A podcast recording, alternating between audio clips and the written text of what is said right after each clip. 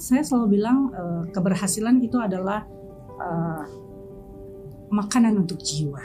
Aduh, target gue gede banget ya.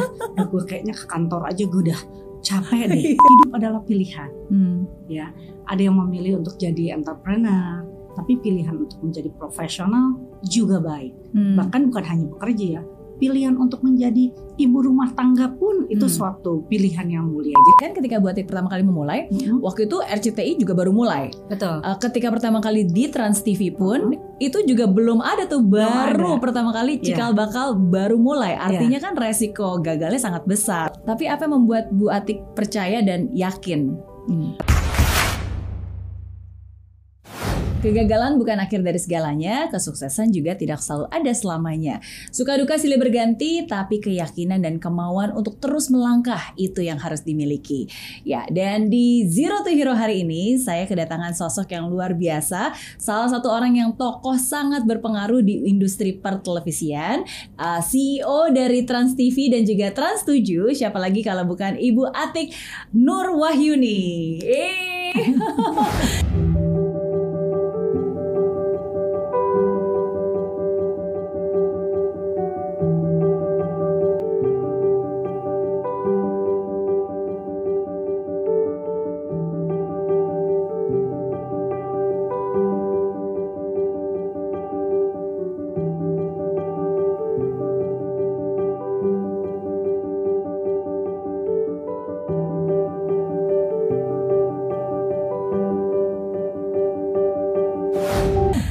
kasih sudah meluangkan waktu untuk hadir di sini Bu Atik. Sama-sama, saya juga terima kasih suatu kehormatan bisa uh, jadi tamu dari Mary Riana. Wah, saya yang terhormat karena saya yakin bahwa saya akan bisa belajar banyak banget uh, dari Ibu Atik. Uh, ini tadi saya mention itu uh, CEO dari Trans TV dan Trans 7. Yeah. Itu hanya uh, sekian dari begitu banyak jabatan-jabatan yang sebenarnya juga dimiliki sekarang ya. yeah. uh, termasuk juga komisaris utama dari CNN Indonesia, hmm. CNBC Indonesia dan masih banyak lagi. Wow. Dan di tengah segitu banyak kesibukan uh, masih selalu meluangkan waktu untuk berbagi Uh, dan juga di channel YouTube-nya Bu Atik ya. Iya, betul. Oke. Okay. Hmm. Oke, okay, seru nih. Hari ini kita ngobrol-ngobrol banyak banget. Tapi pertama-tama mungkin yang saya ingin tanyakan sebagai uh, seorang wanita karir, apalagi di industri pertelevisian, di mana banyaknya itu dominasi pria ya. ya Oke, okay, um, apakah ini sesuatu yang memang dibayangkan dan dicita-citakan dari Bu Atik dari sejak kecil? Uh, hmm. Sebetulnya kalau ini cita-cita dari kecil pasti enggak ya, hmm. karena waktu saya kecil belum ada TV, belum ada TV swasta ya, adanya yeah. kan TV, TV RI, ya waktu itu ya. Jadi sebetulnya kenapa saya masuk di TV awalnya karena saya tuh suka banget marketing. Hmm. Saya suka banget. Saya suka bertemu orang, saya suka ngobrol.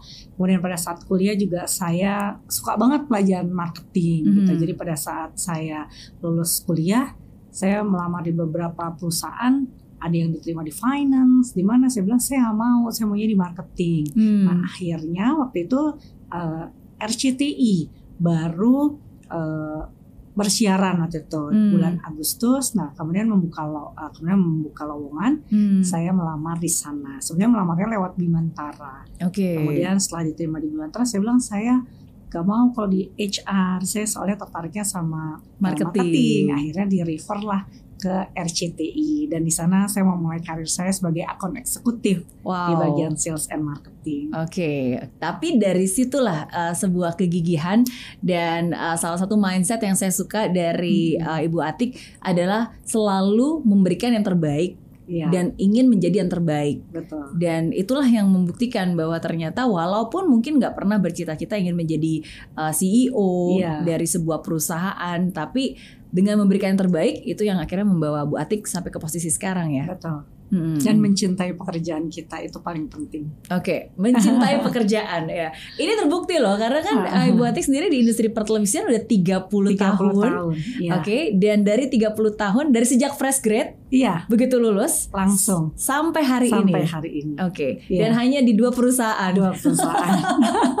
Wah, itu menunjukkan benar-benar kecintaan yang yang luar biasa ya. Betul. Ya, cinta dan komitmen. Ya, selain cinta dan komitmen juga kebetulan saya diberi peluang yang besar di hmm. perusahaan hmm. di mana saya bekerja sehingga buat apa saya cari peluang di luar hmm. ya kan karena peluang yang diberikan perusahaan selalu dari tahun ke tahun saya di challenge untuk diberikan uh, tanggung jawab yang lebih dan lebih hmm. sehingga itu yang membuat kenapa saya hanya berada di dua perusahaan. Oke, okay. tapi satu hal yang menarik yang saya tanyakan nih Bu Atik, kan ketika Bu Atik pertama kali memulai, mm-hmm. waktu itu RCTI juga baru mulai. Betul. Uh, ketika pertama kali di Trans TV pun mm-hmm. itu juga belum ada tuh baru ada. pertama kali iya. cikal yeah. bakal baru mulai. Iya. Artinya yeah. kan resiko gagalnya sangat besar, Betul. belum terbukti, yeah. belum ada belum terlihat nih jenjangnya yeah. seperti apa. Mm-hmm. Uh, tapi apa yang membuat Bu Atik percaya dan yakin? Hmm. Waktu di Trans TV. Hmm, waktu di Trans. Kalau menurut saya, saya kan udah uh, masuk di RCTI 10 tahun ya. Hmm. Kemudian saya melihat sebuah peluang baru, hmm. ya kan di mana uh, di situ saya melihat ada tentunya sebuah perusahaan yang punya visi dan misi ya. Hmm. Dan saya melihat bahwa sepertinya cocok dengan uh, saya gitu sehingga saya memberanikan diri untuk hmm. bergabung kepada perusahaan baru dan saya orangnya tuh suka challenge. Oke. Okay. Ya jadi justru saya melihat bahwa di sini oh di sini saya bagaimana ada pemikiran-pemikiran saya yang tidak bisa diterapkan di RCTI karena itu sudah menjadi sebuah perusahaan yang besar hmm. mungkin bisa diterapkan di uh, perusahaan baru. Nah itu yang hmm. membuat saya tertarik untuk pindah okay. ke perusahaan uh, Trans TV. Padahal sebetulnya RCTI adalah number one ya. Iya. Gitu, pada ya. saat itu ya. Pada saat itu hmm. sehingga sebetulnya buat apa sih sebetulnya saya pindah gitu. Tapi itu tadi sebuah uh, challenge ya buat saya untuk memulai sesuatu yang baru dan yang uh, menantang menurut saya. Iya, iya. Is is a risk ya. ya Karena betul. kan ketika kita sudah berada di sebuah perusahaan selama 10 tahun, hmm. kita yang membantu membesarkan juga hmm. udah pasti sangat nyaman dong. Betul. Dalam arti nggak perlu kerja terlalu keras, ya udah tau lah kira-kira seperti betul. ini gitu. Tapi ketika mulai lagi sesuatu yang baru kan ulang lagi dari awal, ya, culture-nya juga dari hmm. awal, um, strateginya juga dari awal. Awal-awal kaget juga loh. yeah. Karena juga kan tentunya uh, ownernya berbeda ya. Jadi yeah cara mereka memanage company juga berbeda. Jadi sebetulnya pertama agak kaget juga, hmm. tapi uh, kita cepat gitu. Kami cepat untuk beradaptasi dengan uh, apa yang terjadi Trans TV. Oke, okay. uh, what is the best way to adapt kalau menurut uh, Bu Atik? Hmm. Gimana cara paling paling mudah untuk bisa paling cepat untuk bisa beradaptasi?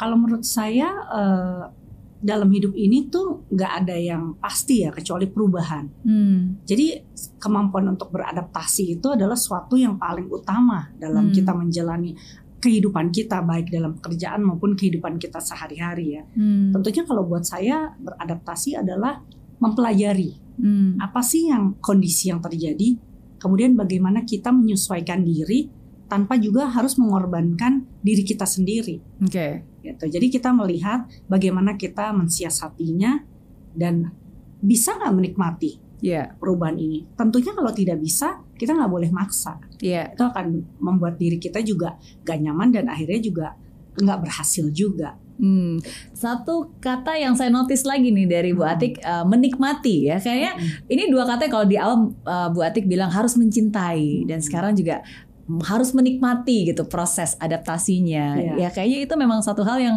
yang membuat uh, Bu Atik masih bisa terus tersenyum dan menikmati hidup walaupun banyak tantangannya. Betul. Karena ujung-ujungnya pekerjaan apa pun, tantangan sebesar apa pun memang nggak mudah tapi ya harus iya, dibawa betul. happy ya, harus, iya, harus dinikmati ya. Kenapa saya bilang uh, mencintai pekerjaan itu harus sangat penting ya. Hmm. Sebetulnya mencintai apa pun yang kita jalani dalam hal hidup ini adalah yang terpenting. Karena misalnya kita kerja, hmm. kalau ditanya dulu di Trans TV kita tuh kerja sama Mary dari jam 9 pagi sampai jam 12 malam. Hmm. Sometimes kita meeting sama Pak CT sampai jam 2 pagi.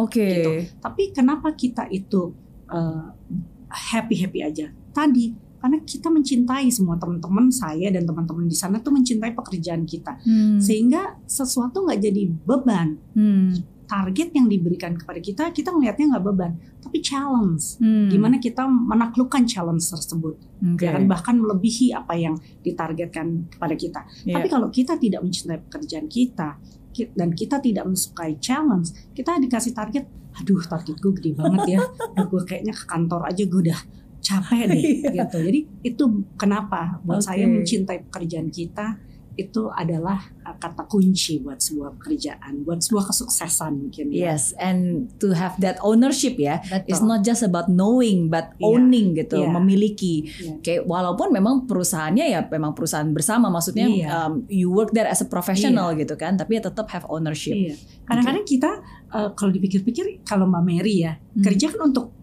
Mbak Mary ya. Mm. Jadi harusnya mau mati-matian juga ya semuanya untuk Mbak Mary. Iya. Tapi kalau kita kan enggak ya sebetulnya itu kan iya. ada ownernya. Tapi karena tadi kita mencintai dan kita um, menikmati proses yang ada di situ dan mm. tadi ada proses belajar yang luar biasa dari mm. yang di, diberikan juga tidak terlepas dari pimpinan kita Pak Hairul Tanjung juga mm. luar biasa beliau. Jadi eh kita happy aja di situ. Mm. Dan kita melakukan continuous learning itu okay. mungkin yang membuat kita juga menjadi hidup Iya, iya. Terus bertumbuh bukan yeah. hanya iya. income yang bertumbuh Betul. tapi skill, yeah. mindset, ya kan? Betul. Okay. Karena saya selalu bilang uh, keberhasilan itu adalah uh, makanan untuk jiwa.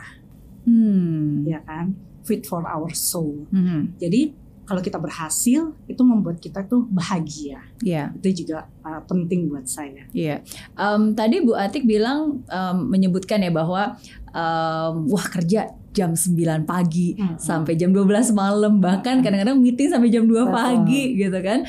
Uh, sedangkan di sisi lain nih banyak hmm. uh, orang-orang khususnya anak muda sekarang yang berpikir kalau mau sukses itu makanya jadi entrepreneur, Betul. ngapain kerja sama orang gitu yeah. kan. Uh, ngapain kerja sebagai profesional gitu. You have to Betul. be your own boss. Yeah. Um, tapi kan nggak harus seperti itu ya. What, what do you think of that, buat Kalau menurut saya, hmm, hidup adalah pilihan. Hmm. Ya, ada yang memilih untuk jadi entrepreneur dan itu luar biasa bagus karena hmm. juga membuka peluang buat orang-orang lain hmm. uh, untuk bekerja. Tapi pilihan untuk menjadi profesional juga baik. Hmm. Bahkan bukan hanya bekerja ya, pilihan untuk menjadi ibu rumah tangga pun itu hmm. suatu pilihan yang mulia. Jadi kalau menurut saya hidup adalah pilihan yeah. tergantung pada kita mau memilih untuk menjadi apa tapi anda harus konsisten menjalankan semua pilihan-pilihannya hmm. untuk menjadi yang terbaik Hmm, Oke. Okay. Kalau jadi ibu rumah tangga, jadilah ibu rumah tangga yang baik, mendidik anak-anaknya, yeah. juga segala macam. Jadi semua pilihan hidup itu adalah mulia buat saya. Yeah. Yang membedakan adalah bagaimana kita menjalankannya dan hmm. konsisten untuk itu.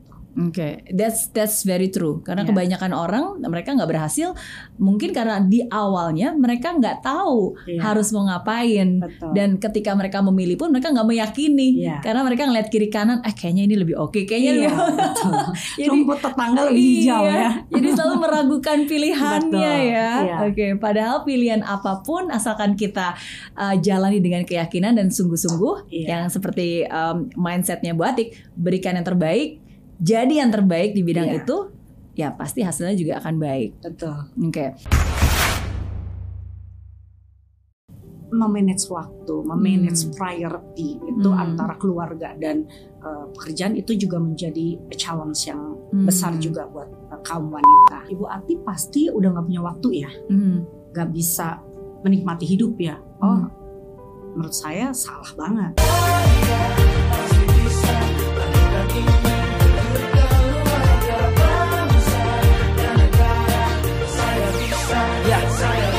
Laksana bumi tanpa hujan Hidup tanpa tujuan. Kering dan mati tanpa hijaunya tumbuhan ah. Demikian kalau mimpi tak kunjung terjadi